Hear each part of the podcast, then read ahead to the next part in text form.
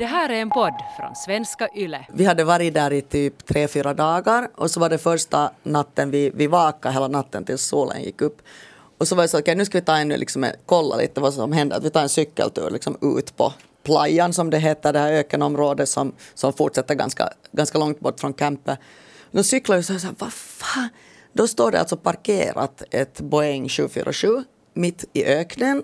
Vi ställer våra cyklar, kommer fram en kille i stewardkläder från 60-talet. Hetsar “Welcome on board”. Vi går upp för trappan och då har de alltså dels släpat dit ett plan och sen har de byggt om det till en nattklubb. Och sen är vi då liksom på den här nattklubben på planet och hittar ut på vingen där DJn står och står så här på vingen och dansar mitt i en öken. Och då hade vi inte ens sett det här flygplanet på alla de här dagarna för att det är så stort det här området. Så det här är liksom the scope of it och fetheten att stå med sin bästa cover i sju på morgonen, så lite snett på en vinge och dansa i öknen.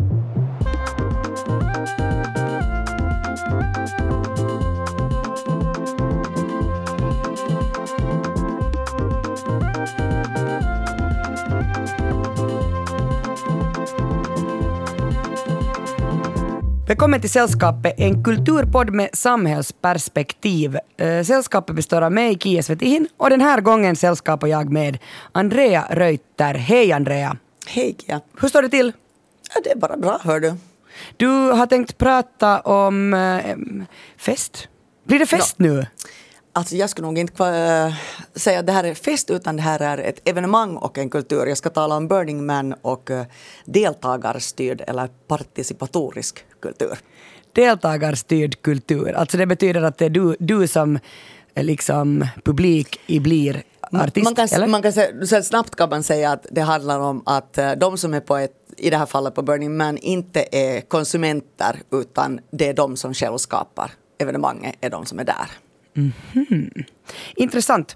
Ehm, jag ska prata om romanen Rodham. Det är en skönlitterär bok av författaren Curtis Sittenfeld. Den kom ut i maj i år och den här boken spekulerar i hur Hillary Clintons liv skulle ha blivit om hon hade nobbat Bills frieri även den där tredje gången. Alltså hon, hon gjorde ju det sådär på riktigt två gånger, och sen tackade hon ja tredje gången. Men om hon skulle ha nobbat honom tredje gången så skulle hon ha förblivit Hillary Rodham. Och den här boken var ganska besvärlig tycker jag, eh, så jag kompar också med dokumentären om Hillary som ligger nu på arenan och jag blir besviken där också. För exakt ett år sedan så eh, var jag inne i mycket intensiv packning. Aldrig i mitt liv packat så noggrant och så länge för att jag förberedde då min resa till Burning Man.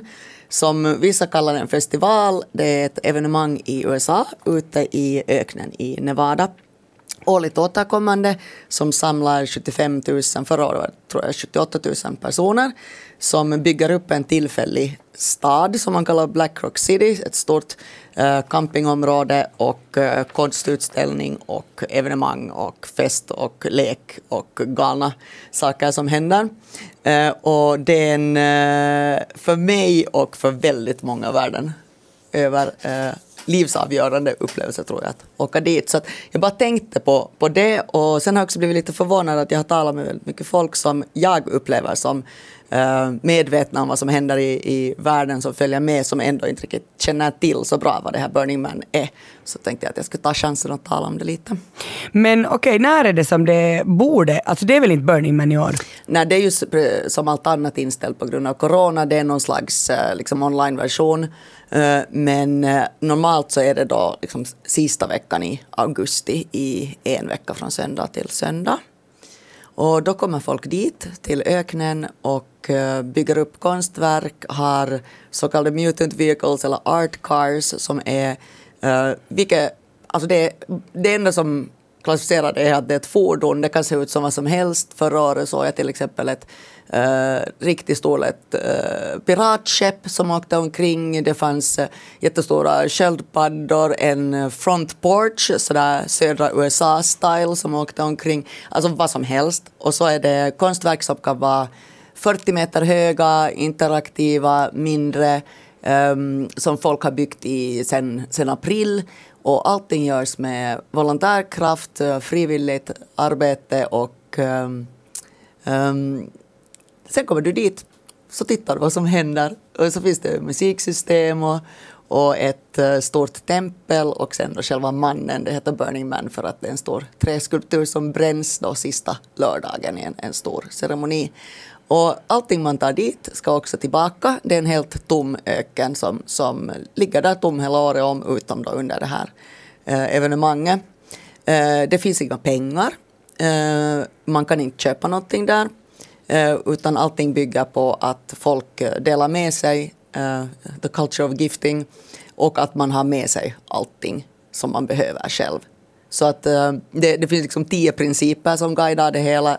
Det är ingen idé att börja gå igenom dem alla, men, men en av dem är då decommodification, som alltså är att det inte finns pengar, det får inte finnas någon reklam, det får inte finnas någon spons, utan allting som sker där sker för att någon har byggt det och för att någon vill dela med sig av det. Så om där är du sa att det är liksom utställningar, det är konst, men är det, är det, är det liksom DJar som uppträder, är det, är det musiker? Det är ju en jättestor del av det hela, att det, det är bara framförallt DJs som uppträder, stora musiksystem. De, de kanske kändaste är Mayan Warriors som kommer från Mexiko och Robot Heart Ehm, som är alltså gigantiska tryckar med helt otroliga lasershower grejer som har världs-DJ som spelar där. Och de åker omkring där i öknen, man kan känna igen, okej okay, det där är nu Mayan Warriors för de har den där gigantiska lasern. Så cyklar man dit, man måste ha cykel. Det gigantiska området tar typ en halvtimme att cykla från ena till andra sidan. Så på natten är det mycket sånt och det är också stora, jag såg någon tolvmanna band som spelar. Det, det är mycket koncentrerat på, på uppträdanden. Medan under dagen är, finns det massa workshops och seminarier och så finns det överallt. Liksom. Gratisbarer, um, rutschbanor, det finns eh, sexpositiva delen där det finns några orgy domes men det finns också Kidsville där det är barn och uppbyggda lekparker.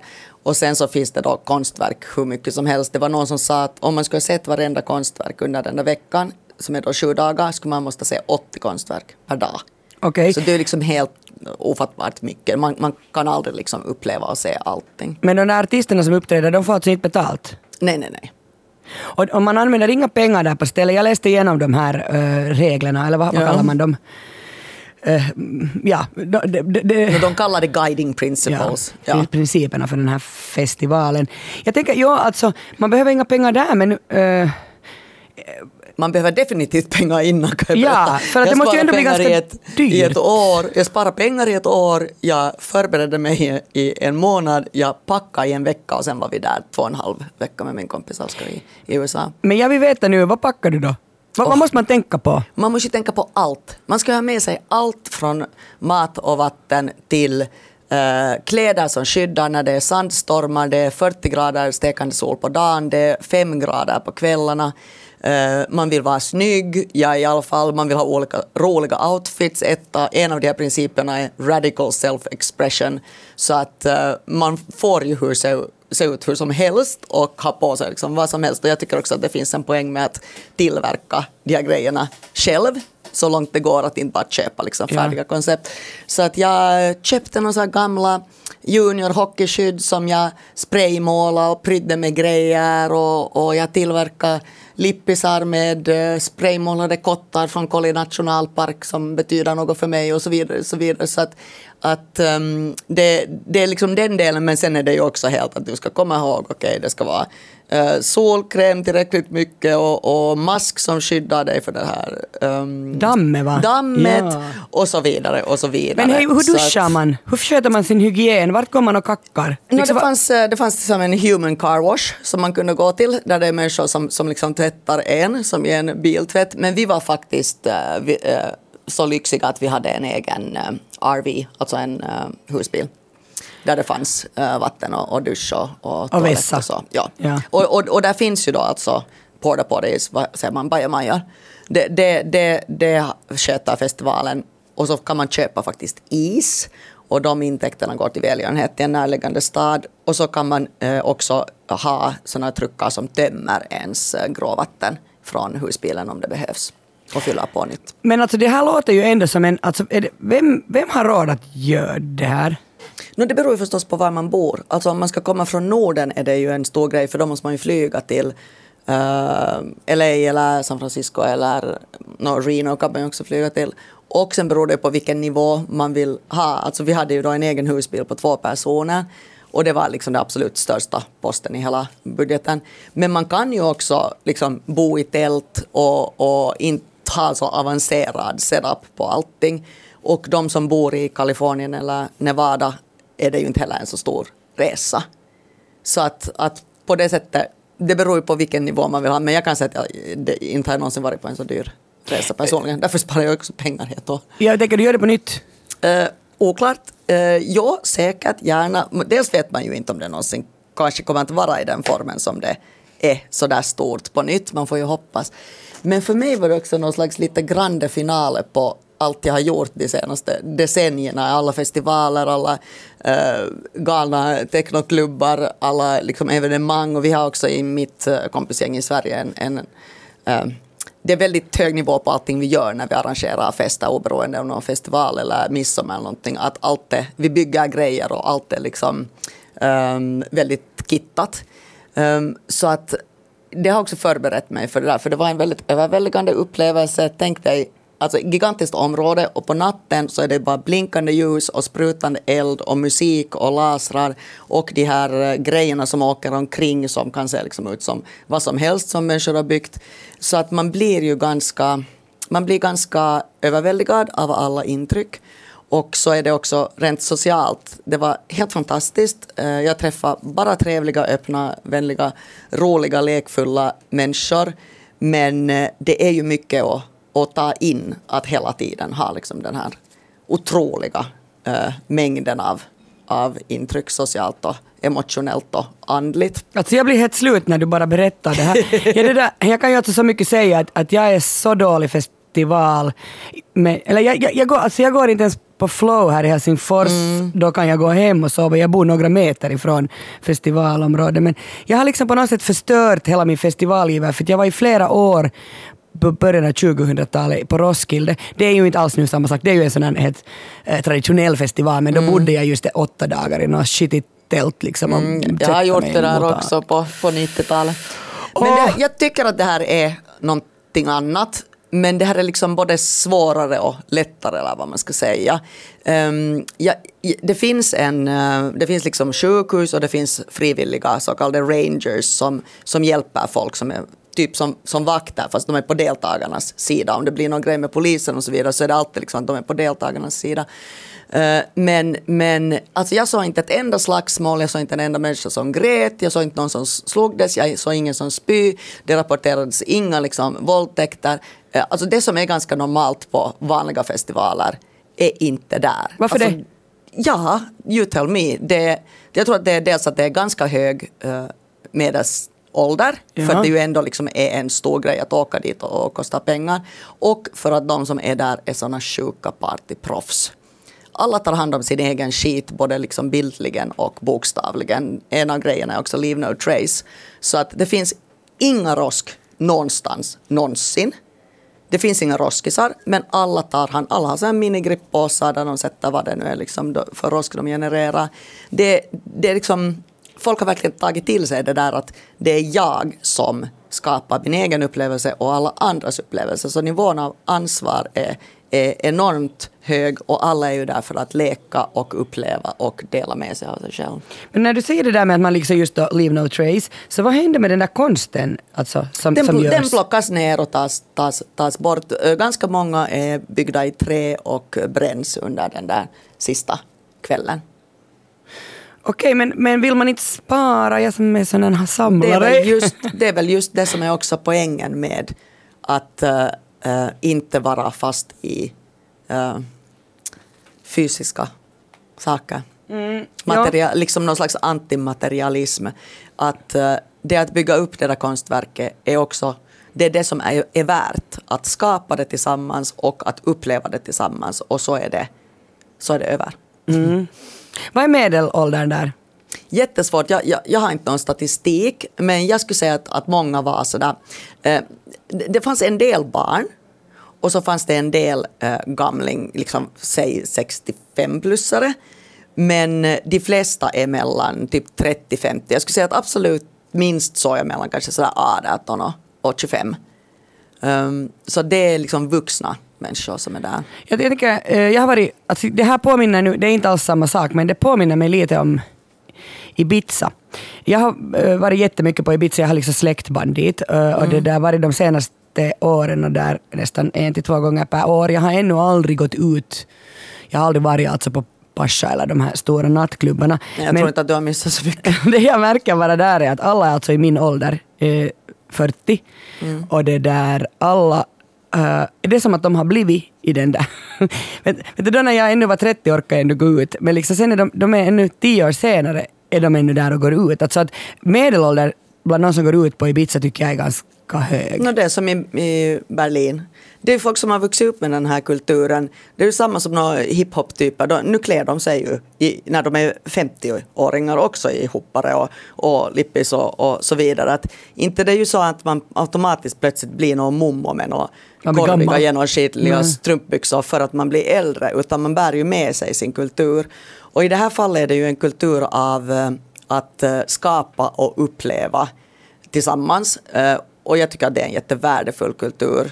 Och det är också utanför själva det här evenemanget. Det finns Burners Without Borders till exempel som, som var jättehjälpsamma när den här stormen Katrina var i USA och nu som har hjälpt med covid. Alltså det är mycket frivilligt arbete och i samhället. Att liksom, vad man säger, civic society är en jätteviktig del av det här. Och sen kan jag säga att det, det var inte så att man pratar hemskt mycket om sitt liv, hur det ser ut liksom utanför den här extremt stora tillfälliga bubblan.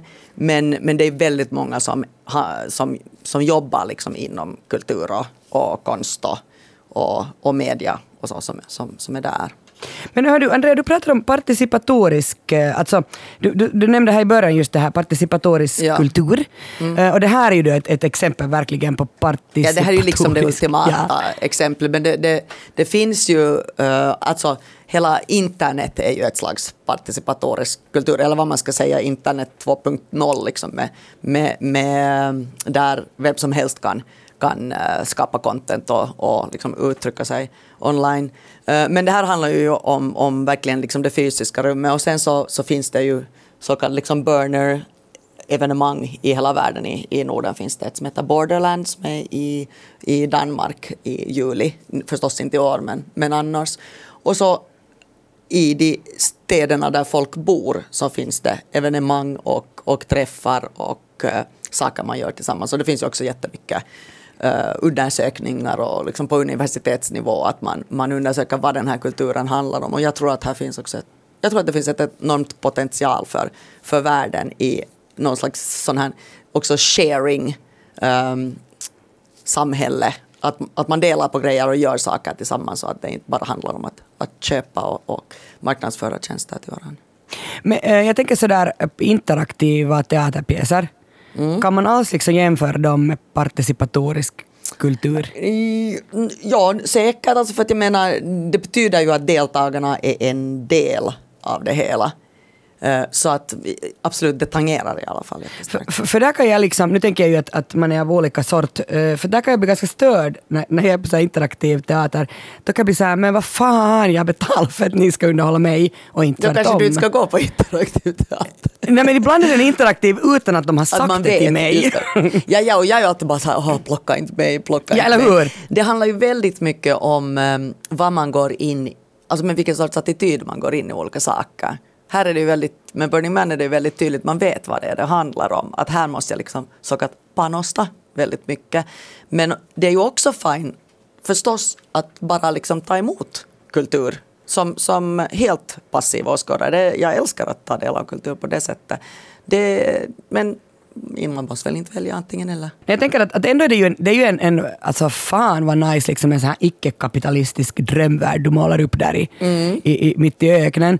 Eh, men vill de här människorna som är liksom sådana Burning Man-fans, eller som, ja, som du kanske också sällar dig till, alltså man skulle vilja tillämpa det här i verkliga livet. Finns det någon sån tanke, någon så här, att man skulle kunna föra över det här till verkliga livet?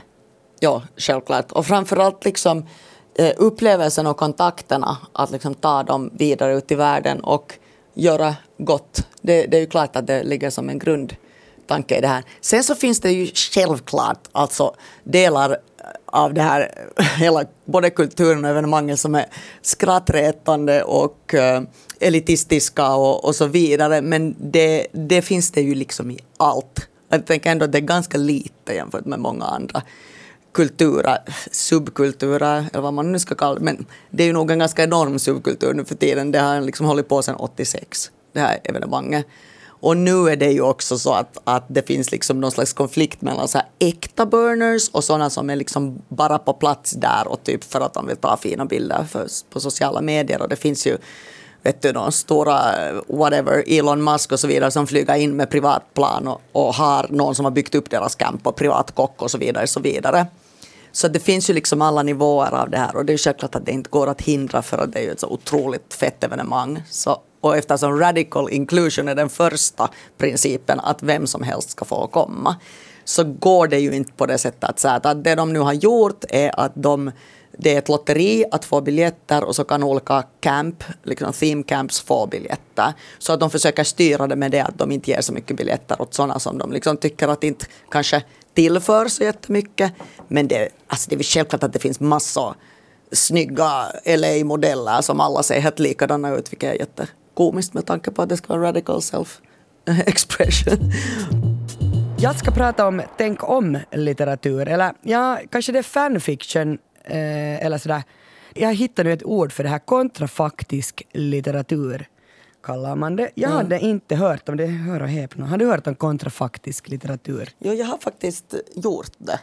Det har kommit en del sådana böcker de, ja. de senaste åren. Eh, men det är jättespännande, berätta om den där Rodham, jag har inte läst den. Ja, jag ska alltså prata om, om Rodham som är eh, alternativ historia eller kontrafaktisk historia. Det är alltså en litterär, litterär genre som är baserad på att historien har tagit en annan väg än vad den gjorde och då vänder man och vrider man på det här historiska skeendet. Uh, bland annat Konspirationen mot Amerika av Philip Roth är en kontrafaktisk historia. Och det var faktiskt så att det är oftast män uh, som vill Eh, manliga författares spekulationer kring utgången av andra världskriget. Det är därifrån den här genren kommer. Mm. Och man kan också kalla liksom kontrafaktisk historia för science fiction. Så egentligen är Rodham en, ja, en science fiction-bok. uh, men uh, vi börjar med att ta Curtis Sittenfeld som är alltså författaren. Hon gjorde sig känd genom att skriva The American Wife om Laura Bush. 2008 kom den. Mm, och mitt problem alltså med, med att Sittenfeld sen skrev om Hillary Clinton, men i boken då Hillary Rodham, är att det har ju gjorts redan så oändliga mängder dokumentärer. Det har skrivits biografier, Hillary har själv skrivit en biografi.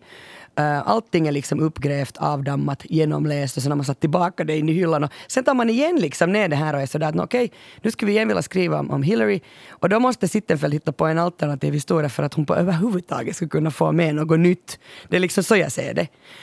Och, och det som alltså hon gör är, är då liksom att hon använde sig av butterfly-effekt. Vet du, eh, Andrea, vad det är? Ja, det vet väl alla efter den där Ashton Kutcher-filmen ja, som kom. Hette den inte Butterfly Effect? Den hette The Butterfly Effect, ja. No, I varje fall, en fjäril i Kina slår med sina vingar, en luftström påverkas marginellt, en orkan drabbar USA. Det här är alltså teorin om, om um, fjärilseffekten. Uh, men men då, då är det liksom som i, i i den här Rodham så är det en liten, liten händelse eh, som får enorma konsekvenser i något annat system. Och, och det där, eh, här gör hon så att hon tillämpar eh, den på amerikansk politik. Eh, och juristen Hillary Rodham gör slut med den kärleksfulla och jättenotoriskt otrogna pojkvännen Bill Clinton. Valet 2016 när hon förlorade mot Trump och alla bara stod häpna. Så det, där, det blev mycket annorlunda eh, i, i boken då alltså. Eh, I Rodham så får Hillary tvivel eh, på Bill. Hon tycker att det inte är så kiva att han är en sexmissbrukare och att han har så mycket otrohetsaffärer som förföljer henne. Och det där, eh, hon helt enkelt säger tack och hej och, och det där flyttar från Arkansas och börjar sitt liv som singel. Och under den här eh, liksom, boken så träffas hon med Bill och varje gång så eh, ångrar hon att hon har lämnat honom för att han är ändå liksom mannen i hennes liv men sen är hon också helt glad över att hon inte valde den vägen. No, men vad är det författaren egentligen vi gör med en sån här bok? Och då tänker jag att den är indelad i liksom tre, den är indelad i tre delar. Första delen är ganska dokumentär, så där liksom, no, det där är det som man alla har läst redan och, och man förstår ju liksom att okej, okay, ja, okay, det här vet jag om. Och den här andra delen, den är jättemycket tycker jag, så här, USAs inrikespolitik och den tredje delen, den är helt den bästa för där blir det ju liksom en, en en roman, för att där hittar hon bara på. Och, och det, där, uh, och det här handlar det om, om Hillary. Uh, och jag glömmer liksom bort att hon finns på riktigt och att det här bara är hittepå. Eh, men det som Hillary Rodham ställer sig i den här boken är att varför är amerikaner så fixerade vid huruvida hon är sympatisk? Mm. Och det kan man ju fråga sig för att den här Sittenfeld är liksom helt alltså en fan av Hillary. Vilket ju betyder att hon undviker alla de här krångliga etiska frågorna om krig och moral och e-mails och allt möjligt. Och det skulle ju nog ha varit mycket intressantare att läsa om det än att läsa om en bejakande bok. Mm på något sätt. Jag vet inte, nu, ska jag ju inte heller förstöra den här läsupplevelsen. Alltså, är du bekant med Hillary, eh, Andrea? No, no, no, ganska, ganska mycket skulle jag säga. Att, att eh, jag vet liksom hur hennes liv har gått och jag tycker också att det är ganska spännande att göra det där what if. För det, det som är kärnan är ju att om hon gifter sig med Bill eller inte. För att hon var liksom på väg, eh, hon var ju med i den här kommissionen med, med Watergate som liksom sen fällde Nixon och hon var helt så här rakt på väg att att bli en liksom jättestor jurist och verkligen förändra världen och det är ju liksom barn och familjeförhållanden som är hennes uh, kärnfråga för att hennes mamma hade en jättehemsk uppväxt och så vidare. Så att om hon inte ska träffa honom så då skulle hon aldrig ha flyttat till någon så här Arkansas liksom, och, och, på något sätt gett upp sin jotto utan hon skulle ha kört på sin grej och säkert kunna göra väldigt mycket. Och det är som att jag tycker att Bill har lite så på något sätt befläckat henne. Därför för att hela den här skandalen kring honom så var det ju att hon kunde ju liksom inte göra något rätt i det. Nej det är ju så absurt Eller... att det var ju henne liksom, att, att när hon sen då, alltså det, om, om det var Bill som hade varit otrogen så blev det ändå hennes fel därför att hon hade, hon hade liksom stannat vid hans sida. Alltså de, alla, hennes, ja, många väljare det är liksom att allting inte. är på något sätt det att hon älskar honom så mm. mycket. Så om hon inte skulle ha gjort det så skulle hennes liv ha sett annorlunda ja. ut förstås. Läs och lär. Men, ja. men det där, den, jag tycker ju alltså att den är ganska konstig den här, den här boken. Och, och, och, men skulle du rekommendera den då alltså? Nej. nej. Jag tänker så här att, att eftersom jag får betalt för att läsa, det är ju mitt jobb att jag läste den, så då kan jag göra det.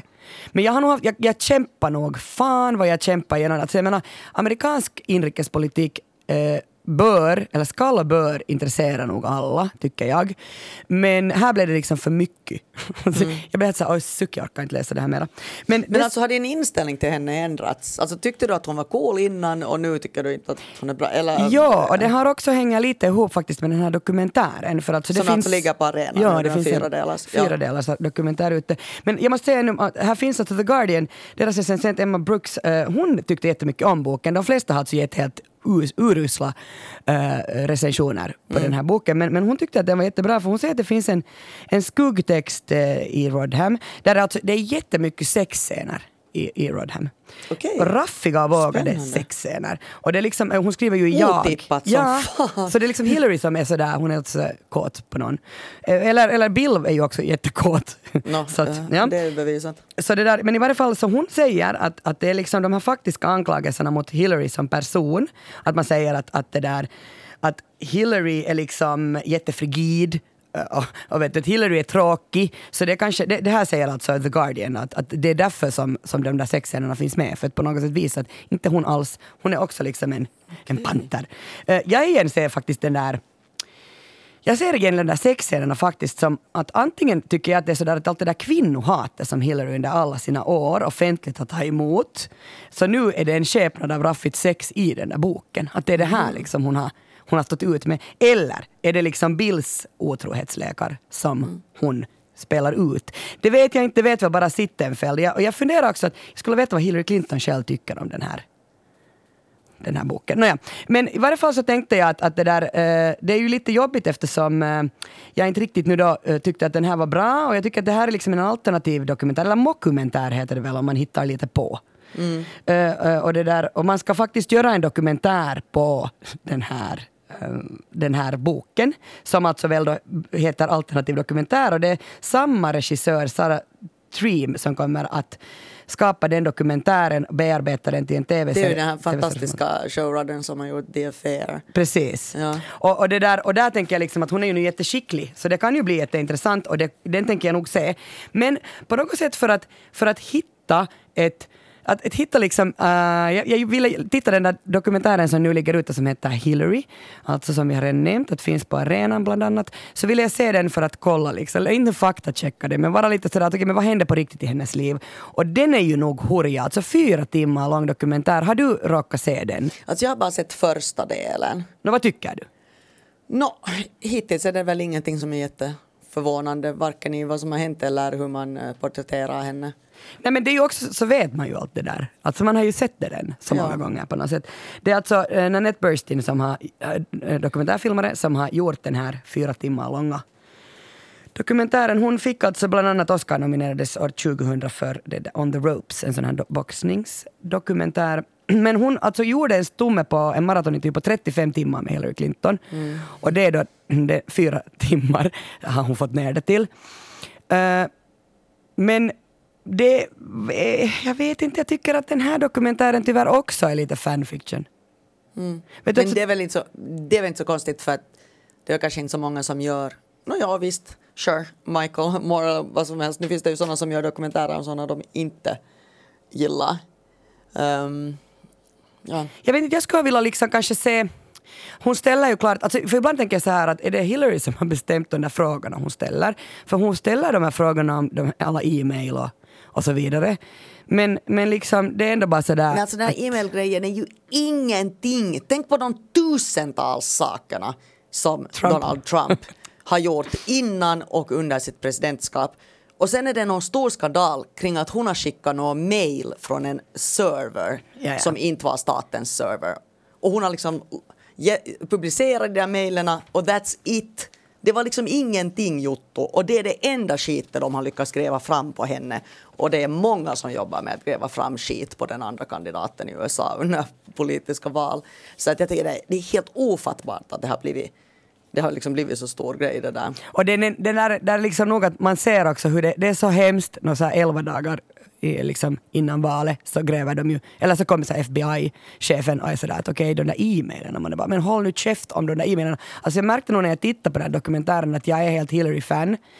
Uh, och, och bland annat en episod som jag liksom, den ble, har blivit med, längst kvar hos mig, är att hon hade räknat ut att under, under hennes presidentvalkampanj nu, alltså den här senaste, 2016, så gick 600 dagar till den här kampanjen och 25 dagar gick åt till att fixa hår och smink.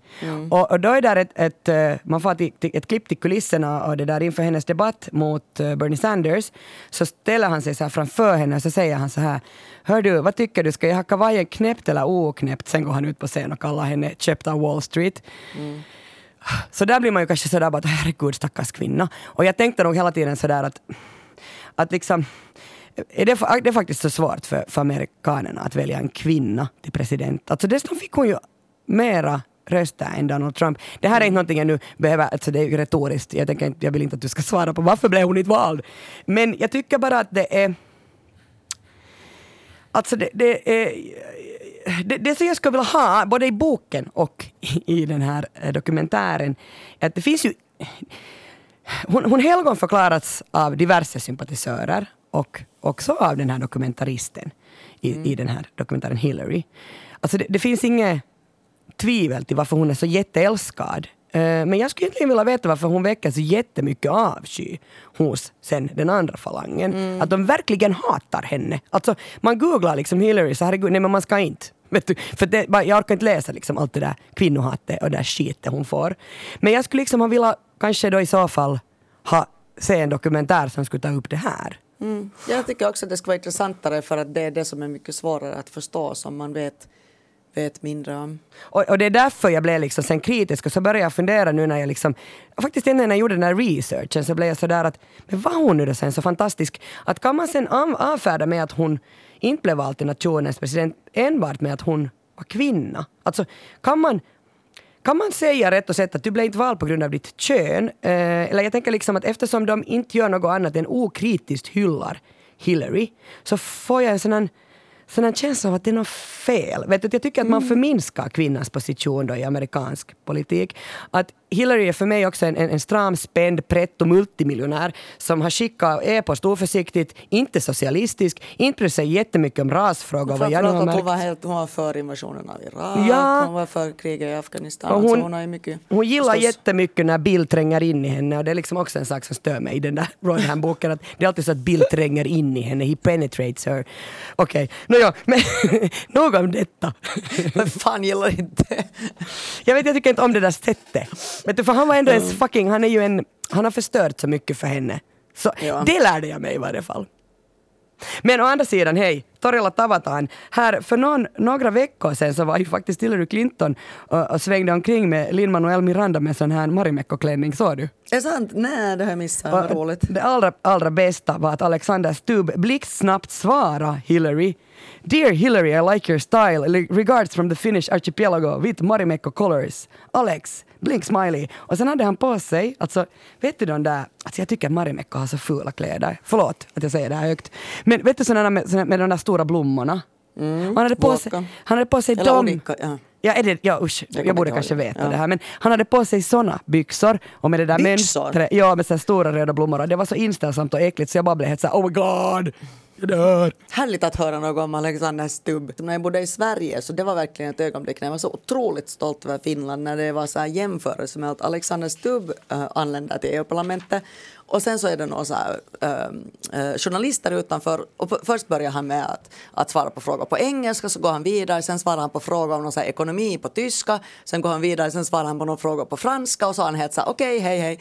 Sen anländer Stefan Löfven och han är helt så här ungefär eh, yes, he, he, he, och går så här förbi. Han kan liksom ungefär inte ens Ja. engelska. Så då var man ju ändå så här, Jag har yes. sett det där klippet, jag måste nog säga att där var jag nog fan jag var stolt över Alexander Stubb, att han är sånt språkgeni. Jag vet om det är råttan i pizzan rykten men att han är en av de största bebisarna som har fötts i Finland. Att han ska ha vägt nå nästan sju kilo när han föddes. Men jag vet inte om det är sant. Alexander men det är ett jätteroligt rykte i alla fall. Detta rykte ska vi aldrig glömma. Varje vecka har vi också kulturtips och jag vill påminna dig Andrea Reuter, det är ju inte så att det behöver vara det bästa du vet utan det får gärna vara något du inte kan släppa den här veckan i kulturväg. Mm. Alltså, jag har tittat på, på Netflix på en reality show som heter Indian Matchmaking. Och det följer en, en kvinna som är alltså äktenskapsförmedlare. Hon heter Sima Taparia och, och är baserad i Mumbai. Och, och hon åker runt hela världen, mycket i USA men också i Indien och förmedlar äktenskap mellan människor. Och det här är alltså då det här eh, traditionella arrangerade äktenskap som det handlar om. Um, och min inställning till det här från tidigare har ju varit att åh, det är helt hemskt att man tvingar liksom, in uh, folk. De, det är familjerna som bestämmer att de måste gifta sig och, och, och, och det är ju helt hemskt att äktenskap ska bygga på, på kärlek. Eh, jag har inte riktigt samma åsikt längre. Dels på grund av det här programmet men också dels på grund av ens egna erfarenheter av att dejta. Det finns någonting, det finns en poäng i det här. Att eh, det är någon som träffar massa typer som går igenom, okej vem är du, vad tycker du om, vad vill du ha? Och sen får den här liksom, tanken, okej ni skulle passa ihop. Och sen så, så de har, varje avsnitt börjar med att det är några typer som har varit gifta i liksom 40-50 år. Och det är alltid helt ljuvlig vibb mellan dem. Och i, vissa av dem har så inte träffats före de gifte sig och så vidare. Men det har, det har gått bra och de har liksom arbetat på det här. Och jag skulle vilja att det skulle finna, finnas en finlandssvensk äktenskapsmäklarska som skulle säga att hej men ni skulle liksom passa ihop. Vet, du, man har på att swipa på något Tinder och, och, och vad är chansen att man skulle träffa någon som man verkligen på riktigt passar med som man har samma värderingar och vill ha liksom samma sorts liv. Men det är ju jättesvårt, alltså herregud, det där skriver jag så mycket under.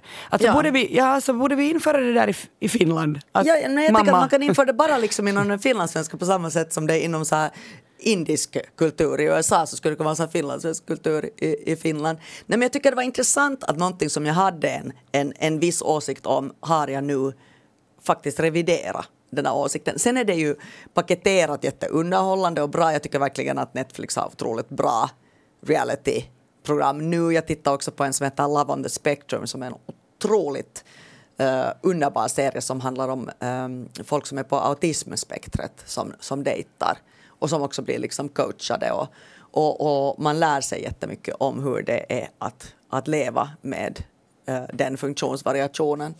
Du som Um, Andrea är producent ändå, liksom i film...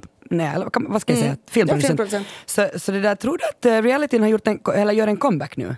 Alltså definitivt på, på Netflix. Och just datingprogram, alltså det här Love is blind som var att folk uh, dejtade i sådana här poddar så att de inte såg varandra utan bara pratade innan de fick träffas. Och sen så var det den här, har de det här Too hot to handle, den är mer så här ganska klassisk, så här, man sätter några människor med silikonpatta på en ö. Men, men de gör mycket grejer. Jag tycker också förstås, alltså, det är också reality Queer Eye som är ett av mina absolut favoritprogram där det är då de här Fab Five, fem bögar som, som gör om folk. Men de, de är ganska politiska och de är framförallt gjorda med värme, de här programmen. Att det är inte liksom en, en nedsättande eller förnedrande ton utan det är en, en empatisk och varm ton och där finns någon tanke bakom att få folk att eh, öppna sina sinnen för eh, människor som är annorlunda. Så att jag, jag tycker att det, det är väldigt, eh, jag har inte varit så intresserad av reality men Netflix har liksom gjort det den senaste ja, halv, halvåret. I rättvisans namn tänker jag då tipsa om någonting från HBO Nordic. Perfekt. Ehm, så vi, jag det finns även andra streamingtjänster. vi har nu nämnt arenan också. Så Ja. det där, eh, jag har nämligen tittat på The Great. Och herregud vad det är bra. Alltså jag kan säga att nu när vi sitter här, så det enda jag egentligen nu längtar efter är att få hem, lägga mig i min soffa och fortsätta att titta. Jag har inte hunnit titta igenom hela säsongen ännu. Det är alltså tio avsnitt Ja. ute på, på det där HBO Nordic. Den här kom nog redan i maj kanske den här, den här eh, serien. Har du sett The Great? jag, jag har sett första avsnittet, jag tänker definitivt fortsätta. Diggar du? Ja, jag diggar jättemycket. Det är någonting med, med den här som har gjort The Great, alltså Tony McNamara. Eh, det var ju han också som stod bakom The Favourite. Så, Mm. Såg du The Favourite? Jag såg den och jag tänkte på den mycket när eh, jag såg The The, Great. Ja, För det, båda handlar ju om uh, kungar, uh, drottningar förstås i ja, 1700. någon i det förgångna. Ja. Det här är ju slutet av, av 1700-talet i, i, i Ryssland, The Great, om Katarina den stora. Ja, hon skulle bli landets kejsarinna och det, där, det här är ju alltså helt sant. Hon, hon det där, alltså serien utspelar sig just innan kuppen mot uh, Peter den tredje. Eh, och, och det där, sen blir Katarina den stora landets uh, kejsarinna men den är liksom så otroligt välgjord att, att där är liksom det är väldigt Och roligt, alltså, de har lyckats fånga någon ton som, som, som jag tycker är väldigt bra. Och sen eh, hon som spelar uh, Katrina, alltså Elle Fanning, jag är stort, stort fan av henne. Jag tycker hon är väldigt bra skådis. Björnar strävar fritt i salen, efterrätten serveras eh, på ett fat med avhuggna huvuden. Alltså det är sån här, sån här meno är där alltså. Och, det, och jag kan säga att, att, att om, människor säger ah, men jag tycker inte om att se på komedi när det handlar om historia, men det är nog värt det. Alltså jag kan ju inte säga så att man lär sig så mycket, för så där var det nog knappast, men, men det är ändå roligt att se det. Och Ja, jag ska säga också, blanda inte med Ca- Catherine the Great som också finns på HBO, som kom förra året eh, med Helen Mirren i huvudrollen. Verkligt eh, formidabel flopp kan jag säga. Ni, ni ska titta på The Great eh, och det där. Som avslutning ska jag nu säga att eh, jag läste precis att eftersom den har fått så jättebra kritik den här serien så har nu Hulu beställt ytterligare tio avsnitt så vi kommer att få se en till säsong. Visst säger man så här att, att, att gå hem nu för nu är festen som roligast men Andrea Reuter, du går ju aldrig hem. Alltså, vad kan jag säga? Det är nu så att jag brukar vara ganska si- sist eh, uppe. Ja, jag märkte det när du berättade att du liksom var vaken till sju och sen tyckte du att du ännu skulle få cykla på, omkring i öknen förrän du går och sova. Men det kan ju ännu hända något roligt. Ja men du har fear Sova kan man ju göra sen när det, det, det roliga är över.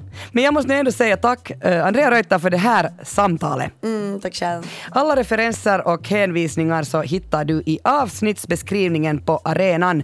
Och nästa vecka så eh, sällskapar jag med både Kasper Strömman och Petra Laiti. Vi hörs då.